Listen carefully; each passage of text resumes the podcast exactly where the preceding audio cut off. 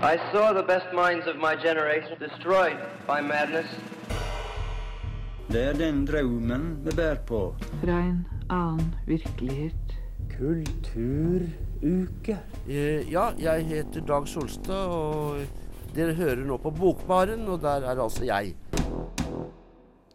Ja, velkommen til Bokbarn. I dag er det meg, Ingeborg, som er i studio, og med meg har jeg Helle. Og Magnus? Ja, og i dag så skal vi snakke om eh, barnelitteratur, eller nostalgilitteratur. Bøker som eh, vi var glad i å lese når eh, vi var små. Så vi har tatt med noen skikkelig godbiter her. Hva, hva er det vi har i vente, Helle? Kan du nevne noen titler? Oi, ja. Eh, jeg har tatt med meg Septimus Heap første boka, og så har jeg tatt med meg Narnia.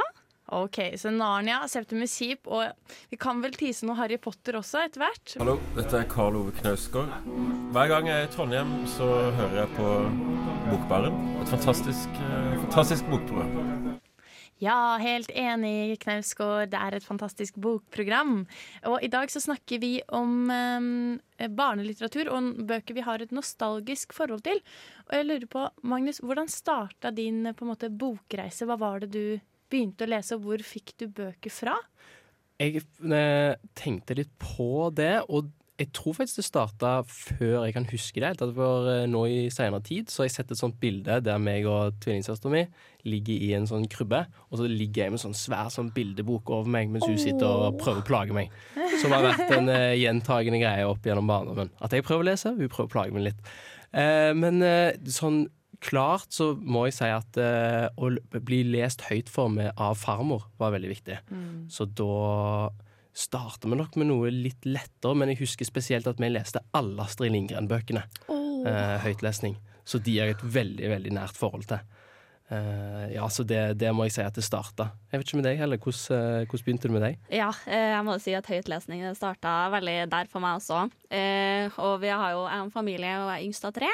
Eh, som, og vi er veldig glad i bilferier, så da stappa mamma og pappa oss i baksetet, og så fikk vi hver vår Discman, og så satt vi da og hørte på lydbok stort sett hele bilturen, opp til Bodø eller ned til Grimstad. Eh, alt i ett strekk. Og så likte jeg egentlig ikke å lese noe selv, egentlig, frem til jeg var kanskje ti år. Eh, Men, men hvordan funka det hvis dere var tre barn? Hadde dere kunnet høre på samme lydbok? Da må dere funnet et eller annet sånn som Ja. traff i alle aldersspenn? Ja, vi hadde sånn eh, delingsgreier. Vi hørte en del på Den onde greven og Kurt og sånt. Men mamma og pappa satt jo foran og hørte på sånn Doppler og sånt. Det var kjempekjedelig å ikke ha på seg headset i bilen, liksom. Men eh, ja, jeg oppdaga noe fantasy-litteratur når jeg var kanskje sånn eh, ti år gammel, og da flytta jeg nesten inn på biblioteket. Wow. Ja, men jeg husker det der å få lånekort. Jeg bare jeg husker ikke liksom akkurat Men jeg bare sånn husker sånn man fikk lånekort. Man kunne gå på biblioteket. Og jeg leide jo sånn bøker, men også en del lydbøker og kassett. Eh, fordi jeg hadde jo kassettspiller. Og så Eh, gamle vi høres ut som når vi, Ja. når vi det snakke, når vi snakker om men de kassettene de kom, de, for Den var like stor som en bok. Det var et sånn hvitt cover, og så åpna du, og så var det fire kassetter oppi.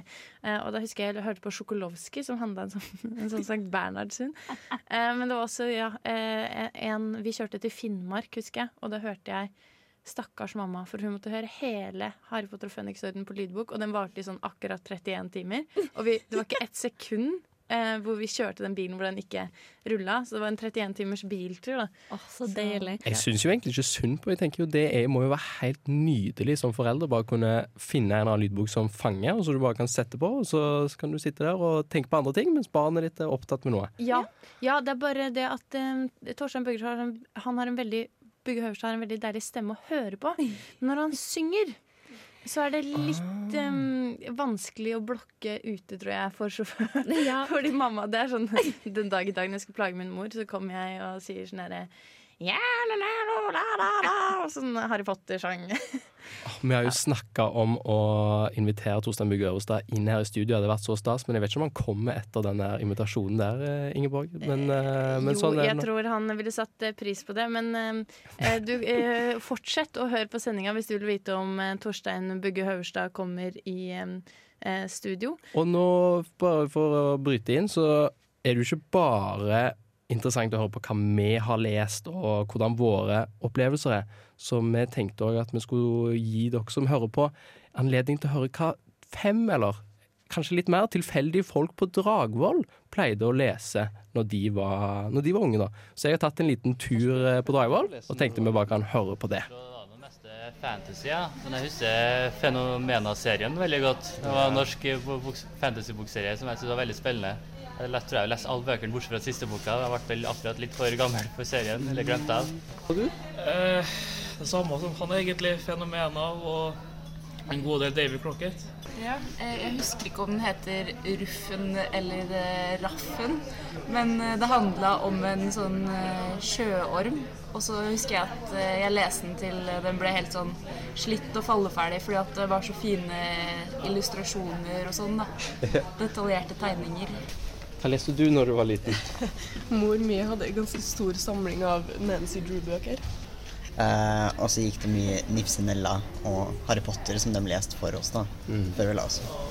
Ja, det gikk som oftest i sånn Snøhvit og Lilla Lille havfrue og sånn klassiske Disney-prinsessebøker. Eh, Jeg likte veldig godt eh, Astrid Lindgren eh, sin eh, alle Ina sine bøker, egentlig. Eh, Kanskje spesielt eh, Mio min Mio eh, og Brødrene Løvehjerte var min favoritt. Jeg eh, hørte Harry Potter-lydbøkene, eh, som jo var veldig liksom, formende for meg som menneske. Eh, men også dette med tzatziki tzatziki. Eh, som jeg ikke husker så veldig mye av. Men, men, jeg husker at det gjorde mye inntrykk på meg. Jeg husker en elg i boble. Eh, som sånn vagt minne, så eh, jeg vet ikke helt hva det egentlig handler om. Hei, det er Kyra Gavla Kygo. Nei, bare kødda. Det er Thomas Seltzer. 30 år eldre enn Kygo. eh, Og du hører på Radio Revolt. Ja, det stemmer. Du hører på Radio Revolt, og vi er i Bokbarn. Og i dag så snakker vi om nostalgilitteratur. Eh, og rett eh, før eh, låt så hørte vi hva eh, folk på Dragvoll hadde som favorittbøker i sin ungdom. Men jeg lurer på hva dere her i studio leste. Og Magnus, hva var dine ungdoms- og barnebøker? Nostalgibøker? For, først og fremst eh, jeg Og kunne. Ja, jeg, eller jeg kunne også tatt fram mange ungdomsbøker, men jeg, jeg gikk eh, litt lenger tilbake i arkivet tenke sånn, hva, hva gjorde stort inntrykk på meg? Og da dukka Gummi-Tarzan opp. Det var noe jeg hadde veldig forhold til. Og så er det sånn som eh, vi hørte helt på slutten eh, på, i den lydsaken fra Dagvoll, at det kan være litt vanskelig å huske hva barnebøker egentlig handler om. Ja, sånn opplevelse hadde jeg med Gummitarsan òg. Men jeg eh, måtte jo sette meg ned og lese det på ny. Og jeg må jo si at det er egentlig ganske sånn eh, brutal hverdagsrealisme på mange måter. Eh, overraskende nok, men veldig morsom og fantasirik, selvfølgelig. Og det handler da om Gummitarsan, som ikke er Gummitarsan, men han heter egentlig Ivan Olsen. Eh, og Ivan Olsen, han er da eh, en liten gutt som har det ganske tøft.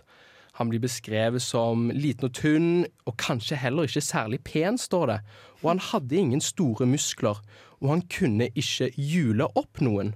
Så derfor fikk Ivan Olsen masse juling sjøl hver eneste dag. Sånn starter boken.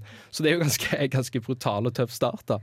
Åh, jeg elsker det her med at barnebøker virkelig ikke prøver å få hovedpersonene sine til å virke som sånn tøffe personer. Mm. Det er liksom, De er ikke redd for å liksom gni det inn at det her er ikke noe kult, liksom. Nei, altså, det er sant, og det, Man får veldig sympati med disse karakterene ofte som lesere. da. Og det er jo det som skjer i denne boken òg. Man får mer og mer sympati med han egentlig, fordi han går fra å få buksevann på skolen til å bli, ikke klare å lese i klasserommet, til å komme hjem og få kjeft og nesten bank av faren sin. Og han har et skikkelig tøft liv, da.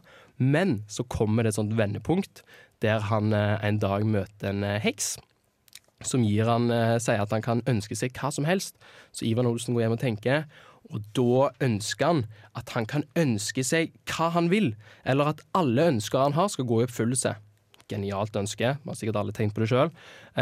Og heksen sier at det får han jo lov til, men kun for én en eneste dag. Så den dagen den bruker Ivan Olsen til å ta hevn på alle de som har mobba han, så han går og eh, gjør, liksom sånn, gir juling til faren sin og gymlærerne og alle de mobberne, og bare får til alt han ikke har fått til tidligere. Og har en helt fantastisk dag. Og så, på siste side, så ender det opp med at han har mista kreftene sine. Og at han er tilbake i det livet han en gang levde. Så det er bare sånn, Når jeg leste det på ny, bare sånn Hva er dette for noe dystre, mørke greier? Men det er jo veldig morsomt, flotte tegninger Og nei, Det er en fantastisk bok. Jeg vet ikke om dere har noe forhold til den sjøl? Når, dere... Eh, når du sier buksevann, så uh, bare ringer det en bjelle med en gang. For jeg husker det var sånn så brutalt. Ja. Ja, jeg har jo lest så mye Gummitasjen. Jeg tror vi leste litt i klassen i andre klasse, kanskje. Uh, det er også Tatsiki. Ja, tatsiki ja. Mm, og Svein Rotta. Ja. Ja, fordi det var så, Jeg husker det der med buksevann. Jeg hadde på en måte sånne bilder, da. Og når jeg leste, så kom det tilbake. Og så er det også sånn en scene der han er på en sykkel. Og så sykler han ned mot sånn brygge, og så dytta han en eller annen fisker ute i sjøen. Det, det er bare sånne små bilder som er veldig fast. Men eh, det er som du sier, ganske brutalt, dette med buksevern, Og jeg tror det var en grunn til at jeg ble så glad i boken òg. At eh, Gummitarsen han får liksom alltid skylden. Han får liksom alltid kjeft, selv om det ikke er hans feil. Og det var en følelse jeg kjente mye på i barndommen. Sikkert Åh. veldig ubegrunna. Det var nok veldig fortjent at jeg fikk den kjeften og den straffen jeg skulle få, men eh, det er i hvert fall noe jeg eh, kunne sikkert kjenne meg veldig igjen i. Eh, så det tror jeg var en viktig grunn til at jeg likte han så godt. Og så tror jeg det er dette her med at eh, med at denne følelsen av at du kanskje ikke får til noe, og så får du bare plutselig til alt veldig sånn deilig å lese om, da. Eh, så Gummitarsen er helt, helt fantastisk bok. Jeg heter Hans Olav Brenner, og jeg syns at det er et slags eh, minstekrav til et oppegående ungt menneske å høre på Bokbarn. Ja, det er også et minstekrav eh, for et eh, ungt menneske å lese bøker. Og eh, i Bokbarn i dag så snakker vi om barnebøker, eller da nostalgilitteratur. Og Helle, hva var det du leste som barn? Vel, eh, veldig mye etter at jeg først begynte å lese. Men eh, den boka jeg har tatt med i dag, er altså triggerboka mi. Eh, som da heter Magic av Angie Sage. Og det er da første Septimus Heap-boka i en serie på sju bøker. Kan jeg bare spørre, Hva legger du i triggerbok? Var det det du sa? Ja, altså den som liksom trigga hele leseopplevelsen min. Før det så hata jeg egentlig å lese bøker. Var mammaen min hun er norsklærer, og hun var veldig på det at du skal sette deg ned og lese ordentlig litteratur, som Bopsy-barna eller Nancy Drew eller noe sånt. Altså sånn litteratur som jeg ikke egentlig brydde meg noe om. Åh, Jeg frykter jeg kan bli sånn sjøl. Det, er bra- det er bra du eh, advarer her allerede. Helle. Det jeg advarer stort på, ikke pushe barna dine til å lese ting de ikke interesserer seg for. Men Nancy Drew var jo ikke så ille, da. Altså, Tanta mi ga bort Ibsens samlede verker i julegave til en toåring. Liksom. Det var hakket verre sånn der pushing, følte jeg. Ja, nei, jeg leste jo Nancy Drew når jeg først begynte å lese, men før det så likte jeg det jo egentlig ikke. Um, så den eldste søstera mi hun lånte meg da en lydbok av Septimus Heap, og da Magic. Uh, og jeg tenkte den her var jo egentlig veldig spennende. Og oppfølgeren den fantes også på lydbok, på norsk. Um, og så uh, begynte jeg å leie dem på biblioteket i sånn fysisk form. Oppdaga at de har det perfekte barnebokformatet. Altså, det her er bøker som er designa for å se ut som sånn tunge fantasybøker, liksom. Sånn eh, som du plukker opp liksom en bok i en quest et eller annet sted langt ute i ingensteds. Og alle bøkene har på en måte et unikt design som er tatt ifra liksom selve bokserien. Og de er også fylt av kart og pene illustrasjoner. Eh, så det skal vi sikkert legge ut på Instagrammen vår. Um, men jeg må også sette veldig pris på at Angie Sage, hun forfatteren, skriver da som en veldig omnipresent forfatter. Altså det at alle karakterene du møter på, har en følelse, eller har ting de opplever, og de har en dårlig dag, eller hva det er, så får du vite, liksom. For det her er da et sånn fantasy-univers, hvor at um, en ypperste magiker som på en måte styrer en hel by sammen med en dronning. Og denne dronningen eh, hun blir da skutt i første eh, scene, liksom.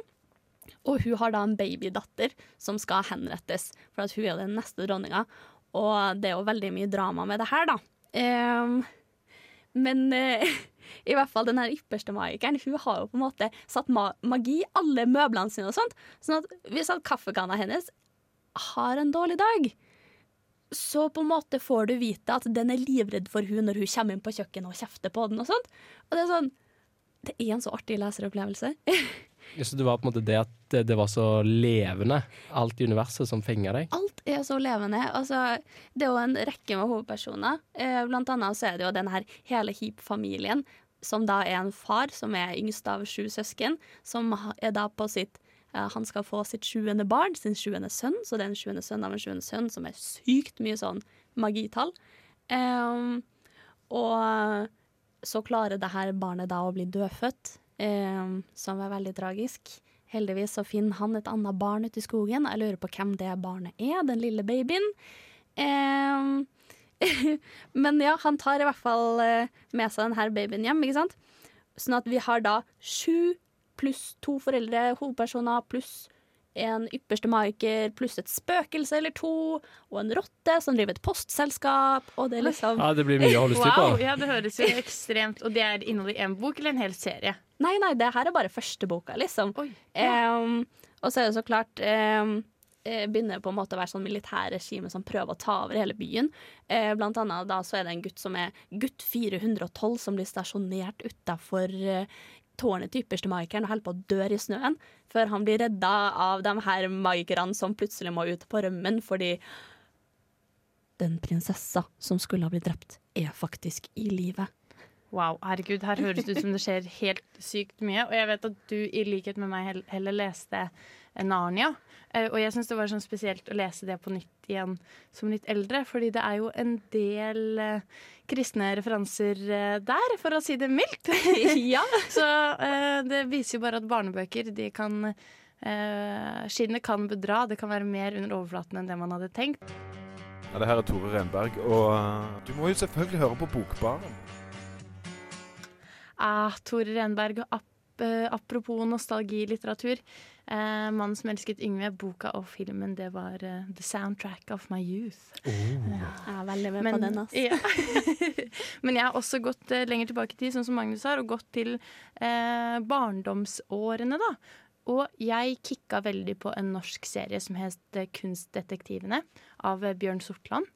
Og det handler rett og slett om en eh, familie som drar eh, på en årlig sånn eh, tur til en europeisk storby ofte. Men altså, de drar andre steder, og det er veldig Mexico og Kambodsja og sånn. Men det starta i hvert fall med bok nummer én var Venezia. Og det her er da sånn mysterieserie eh, for barn. Er det mysterie, Venezia-mysteriet og sånt? Ja. Mm. Så det er kanskje mange som kjenner det som det som Venezia-mysteriet, Oslo-mysteriet, Angkor eh, Wat-mysteriet, eh, Luxor. Ja. Og de drar da overalt, og det er en sånn veldig kul bok, for det er en blanding av sånn murder mystery-aktig for barn. Eh, men du får også med masse reiseskildringer og faktisk fakta. Så jeg husker man kunne bla opp i eh, slutten av hver bok, og så kunne du lære deg noen ord på det språket hvor de hadde vært i. da. Så for eksempel når de var i Venezia, så var det sånn lite italiensk kurs bakerst i boka, og hva du kunne bestille på restaurant og sånne ting. Men det som skjer da er at den familien her reiser alltid ut på tur, og faren er sånn godtroende reisebokforfatter. Mora er veldig flink kunsthistoriker, tror jeg. Og så må barna bli dratt med på alle mulige museumer, og synes det er sånn passe kjedelig. Og så begynner det alltid å skje noe mystisk på disse kunstmuseene. Fordi det er en kjent fyr fra Norge som er kunsttyv. Og han dukker alltid opp på de stedene hvor de er. Så det ender da med at han prøver å stjele bildene, og barna prøver å redde det. Bildene, mens foreldrene ikke får med seg noen ting. Så de redder både Picasso og så å si hele Guggenheim-museet. Og ja, det er veldig gøy. OK, så det er alltid kunst eh, som blir stjålet, ja. Morsomt. Ja, eh, jeg trodde jo det het Kunsttyvene da jeg var eh, mindre, men det var jo Kunstdetektivene. Ja, så det er alltid kunst, så jeg tror jeg syns det var gøy fordi man sånn, fikk oppleve sånn Å, wow, de er i Louvre, og de er på alle disse kule stedene. Ja.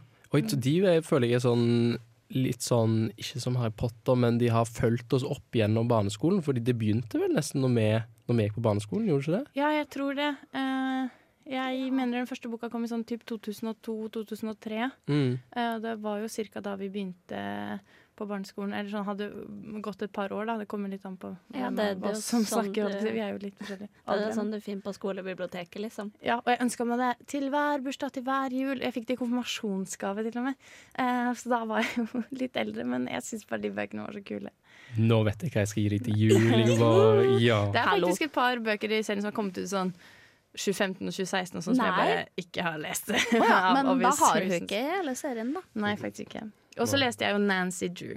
Og det arvet jeg av eh, mamma, som igjen hadde arva det av min mormor. Og mormora mi hadde lest dem Når hun var ung, så måtte hun dra og oppholde seg i en annen by i noen år. Så hun var langt borte fra familien.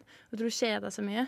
Eh, hun lå på sykehus, og da leste hun Nancy Drew. Så de bøkene var sånn, de var alle allerede sånn lest ut, liksom. Så det var så koselig å ha de. Og det var jo igjen, det hø Jeg hører jo at jeg har en stil her som er sånn mysterie- og detektivromaner. Eh, men jeg husker spesielt tårnet med de vridde lys. Det var veldig bra. Um, og Spøkelsesbroa. Og da er det jo Nancy da, som reiser rundt med sine to beste venninner, Bess og George. Og de bor i byen River Heights. Og ja, må løse dumper borti mysterier. Og det som var veldig kult med Frøken Detektiv, var at hun ville aldri gå med pistol. Fordi hun ville liksom ikke være slem, da. Hun ville bare avsløre og liksom kjempe rettferdighetens kamp. Hun ville gi det over til politiet. Hun ville liksom ikke ha sånn revenge-plott for seg selv. da. Det er jo noe man kan respektere at skrives for barn også, da. Ja, ja, veldig. Og det her er jo, det som er med Frøken Detektiv, er jo at det er forfatta av noe som heter eh, Stratmeyer-syndikatet. som var Det høres veldig eh, sånn Høres litt konspiratorisk ja, ut. høres litt konspiratorisk og litt sånn um, Illuminati-aktig ut, føler jeg. Men det var da en forfattergruppe i USA eh, som var en gjeng med på en måte sånne ghostwriters som da skrev Frøken Detektiv, blant annet, og Hardy-guttene. Så det er mange Ja. mange forskjellige forfattere som har skrevet Frøken Detektiv. Det er ikke Carolyn Keane er ikke en ekte person, det er et pseudonym. Ok, har, har de funnet ut i etterkant hvem disse ghostwriterne var? Ja, noen av de. Eh, så da er det bare å gå og søke på Stratmire Syndicate, så kommer det masse navn opp. Men det som var litt sykt, da, var at man fikk som regel betalt 125, kron nei, 125 dollar per bok man skrev. Det er ganske lite for en hel bok, da. Ja, Det er dårlig value med tanke på hvor mye de blir solgt, iallfall i etterkant. Ja, og du måtte signe, eller signere bort alle rettigheter. Du hadde ikke rettigheter til å liksom, claime at du hadde skrevet det på noen som helst måte, eller bruke det. Men var det noe sånn politisk prosjekt? Var det noe sånn sosialistisk eh, skrivegruppe, dette her, eller? Nei, jeg tror det her var en kapitalistisk skrivegruppe. For jeg tror eh, prosjektet var å tjene penger. Han fyren ville nok eh, Han skjønte jo at det ble jo bare masseprodusert bøker for salg. Det var jo egentlig det som var hele businessen. Men det, Ja, det hadde vært for- veldig spennende å gå tilbake i arkivet og lese disse bøkene og sett hvor, eh, hvor på en måte enhetlig de var, da. Eller hvor stor spredning det var internt i fortellingen og stilen osv. Ja, veldig. Og så husker jeg spesielt at det var en sånn setning som gikk igjen i starten av hver bok. Sånn, typ sånn 'Jeg heter Nancy Drew. Jeg pleier å dumpe borti Altså sånn som var en sånn Som de bare hadde kopiert inn i alle bøkene. Sikkert for å få en veldig sånn Helhetlig prøve, følelse, helhetlig følelse når det egentlig var masse forskjellige forfattere. For jeg tror ikke det var kjent Eller jeg vet ikke hvor allmennkjent det var på den tida, i hvert fall, at Carolyn Keane ikke var én forfatterinne. Det vet jeg faktisk ikke. This is Alan Moore, and you're listening to The Book Bar. Ah, ja, og den rolige stemmen der passer godt når vi skal gå inn i Harry Potter-universet. For jeg tror ikke det finnes et barn i verden som ikke har et forhold til eh, Harry Potter-bøkene. Tror dere? Ja, det er et interessant spørsmål, faktisk. Um, Jeg tror det fins flere barn nå som ikke har forhold til Harry Potter, men da vi var små, ikke tale om. Nei, altså sånn Harry Potter, det var sånn jeg husker sånn Det kom, og så var det bare sånn OK, jeg må låse meg inne. Altså sånn Altså sånn, Du kunne ikke gjøre noe før du hadde lest perm til perm når det kom en ny Harry Potter-bok. Jeg hadde akkurat samme opplevelse. faktisk Jeg husker jeg satt liksom i sofaen, og så kom en din på. Skal du være med og spille fotball? Nei, nå leser jeg Harry Potter. Jeg er opptatt. Det går ikke. Jeg fikk faktisk egentlig ikke lov til å lese Harry Potter før jeg var ganske mye eldre.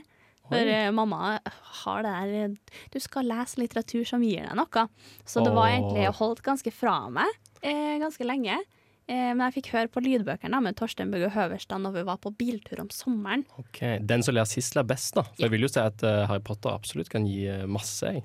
Ja, helt Ja, enig. og det er jo ganske mye referanser i Altså, JK Rowling er jo en belest person, ja.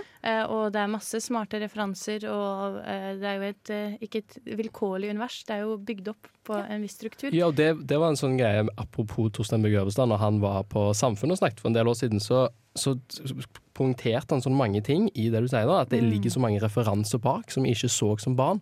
Og da var det blant annet dette her med at på en måte, eh, JK Rowling kom fra arbeiderklassen. Så hvem er det som er heltene i Harry Potter? Jo, det er jo Weasley-familien. Arbeiderklassefamilien. Skurkene.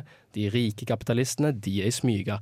Alle disse her klasseskillene, og det var så mye som lå bak. Det var kjempeinteressant. altså, jeg elsker jo på en måte ut fra bok fem og videre. Er jo helt sånn politisk sett katastrofe. Eh, hun vet jo egentlig ikke så mye av det hun skriver om, men det er noe av det beste. Det er å liksom lese gjennom og plukke fra hverandre ting som ikke gir mening, eller ting som absolutt gir mening, som f.eks. at en helt annen nasjon kontrollerer pengene deres og sånn. Ja, jeg syns det var sykt gøy med det et, når jeg ble litt eldre med den etymologiske, og det var jo også noe Torstein Bugge Hoverstad snakka om i det eh, foredraget. For eksempel eh, Hagrid, da, som kommer fra det Var det et irsk ord opprinnelig, som er hag, som er et type troll, og Gygrid, Gygrid er jo på en måte sånn halvt jøtul-troll. Eh, og bare hvordan alle disse tingene som du sånn Å, kjemperart navn, Dumbledore, det betyr ingenting. Men alle disse tingene hadde en gjennomtenkt betydning, egentlig. Ja. Det gikk jo Torstein Bugge Høverstad egentlig glipp av når han oversatte den første boka, tror jeg. Eh, så er jo mange av de originale navnene som ikke på en måte har fått med seg den betydninga som man har fra første boka. i hvert fall. Jo, han snakket, han snakket faktisk det. om det at han hadde lagt ganske mye vekt f.eks. humlesnurr. Fordi Dumbledore er på en måte sånn Jeg har assosiasjoner tilbake til gammel, en gammel engelsk og humle og sånn som det. Okay, Så han men har gjort en stor innsats for hallo? Hva sier du? Wiltersen. Ok, det er jo ja. Nei, men altså Men det, han hadde jo bare én måned på å oversette første boka, og han visste jo ikke hva som skulle komme neste. Uh, så han sa vel i det foredraget at han måtte bare gjette hvilke karakterer som skulle bli viktige. Mm. Og for eksempel da Han endra jo navnet til eh, Bløff. Han heter jo Bortforklar i første bok. Men for eksempel Gygrid brukte han lang tid på, for han skjønte det kom til å bli en viktig karakter. Og en gyge er jo også et slags sånn trollmytisk vesen, Mm. som det her irske ordet er hag, da. Mm. Så han har jo brukt mye tid på, på en måte, etymologisk undersøkelse der hvor han kunne. da. Ja, han har det. Men nå vil jeg si at eh, jeg liker engelsk, eh, altså originalen, best. Og det er jo fordi at jeg har knytta meg veldig til Stephen Fry og lydbøkene. Og det har jeg jo fått igjen på mamma ved at vi nå hører på Harry Potter sammen, for at hun skal lære seg engelsk bedre. Ja, så koselig.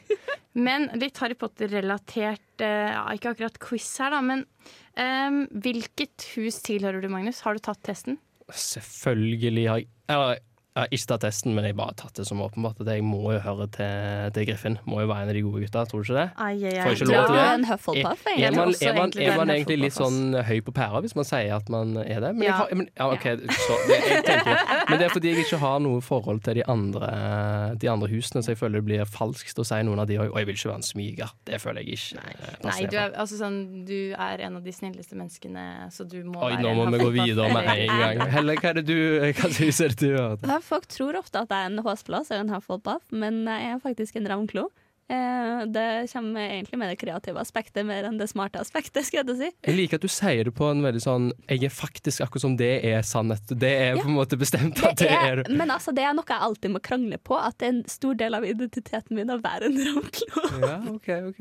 OK, hva tror dere jeg er, da? Og du har tatt quizen du Er du en smyger, Ingeborg? Nei, jeg er en Hufflepuff. Jeg føler det er sånn Ja, du er basically en sjelløs person som ikke har noen karakteristikk ved deg. Jo, det, jeg føler det er det å bli en Hufflepuff er. Altså, det er bare sånn. Men de er jo veldig snille, og eh, de vil liksom De er bare sånn Alle kan begynne her. It's room for all. Jeg vet ikke om du har sett uh, Very Potter Musical, men der sier de det at Hufflepuffs are particularly good finders. Ja. Eh, hmm. Det skal jeg jeg huske neste gang jeg ikke finner noe. Da, Ingeborg, så vi ser om denne her Så quizen har viser det seg at det er jeg som har rota det bort. Ja. Nei, men vi skal snakke Vi kunne snakka om Harry Potter ut i evigheten, eh, føler jeg. Eh, ja, jeg heter Dag Solstad, og dere hører nå på Bokbaren, og der er altså jeg. Ja, velkommen tilbake til Bokbaren, Og eh, vi klarte ikke legge fra oss eh, Harry Potter, vi. Sjokkerende nok. Eh, og jeg lurer på, hvem er deres favorittkarakter? Magnus? Jeg må faktisk være så lite original at jeg tror jeg må si Gigrid. Eller er det jeg, jeg tenker det er sånn at han er ganske sånn felles for alle, men uh... Jeg føler det- for- sånn, Hadde det vært uoriginalt, så hadde du sagt Harry Potter. Eller Humlesnurr. Ja, men Det er ingen ingen som har Harry Potter som favorittkarakter. Ja, Humlesnurr, da, da, da hadde det vært uoriginalt. OK, da. Ja, okay. ja, men jeg tror jeg, jeg må si Gigrid, iallfall. Han koste Tenk å leve det livet der, bo i den lille hytta nede der med hunden sin og Ja, ja for en fyr. Hva med deg, Helle? Vel, altså, Gigrid står veldig høyt for meg også, men eh, jeg tror faktisk jeg må si Wiltersen til Willingene. Eh, begge to. jeg føler de kommer som et par, liksom. og Det er bare De er bare så utrolig artige å lese, og jeg tror uh, Rowling har hatt det veldig gøy med å skrive dem. Ja, ja. Altså, bare sånn Ut ifra at du har de som favoritter i Harry Potter, så gå ut ifra at du har Gimli som favorittkarakter i Ringenes herre. Det, ja, ikke sant? Det høres ut som du er glad i litt comic relief. Ja, men de er også på en måte Selv om de er morsomme og liker å pranke, og sånn, så har de på en måte et varmt hjerte for liksom, folk rundt seg. Ja, det er sant. Det er sant. Du da, Ingeborg. Hva er din Um, favoritt? ah, min favorittkarakter er en meget streng, men meget rettferdig dame. Jeg blir rørt ja, av alt eh, Max Nurp sier. Eh, Hun er mitt favoritt, hun er favoritt. For hun er så sånn derre Hun er så jævlig streng, men når det kommer til stykket, så liksom er hun så rettferdig og er alltid på Harry sin side. Altså, eh, Favorittscena mi med hun er i eh, femmerboka, hvor hun og Uffert har sånn samtaleveiledning med Harry Potter, og så må han bare Eller hun bare forsvarer han og bare det, 'Om det er det siste jeg gjør, så skal jeg hjelpe Harry Potter'. Uh, hei, jeg heter Zishan Shakar. Du hører på Bokbarn på Radio Revolt. Ja, det stemmer. Og i Bokbarn så har vi som vanlig ikke eh, fått tømt oss for det vi har å si om bl.a. Harry Potter. Men eh, det får bli en annen sending. Men jeg lurte på, Magnus, du kunne gi oss noen lesetips. Da tenker jeg vi kan eh, ta de vi har snakket om i dag. Så for meg så har lesetipset vært Gummitassan. For meg er det hele Septimus Heap-serien. Og for meg så er det Frøken Detektiv. Neste uke så skal vi ha eh, klassikersending, så jeg håper alle har eh, husket å lese Virginia Woolf. Eh, virkelig. Det må vi få gjort. Men nå skal vi gå ut eh, i Trondheimskvelden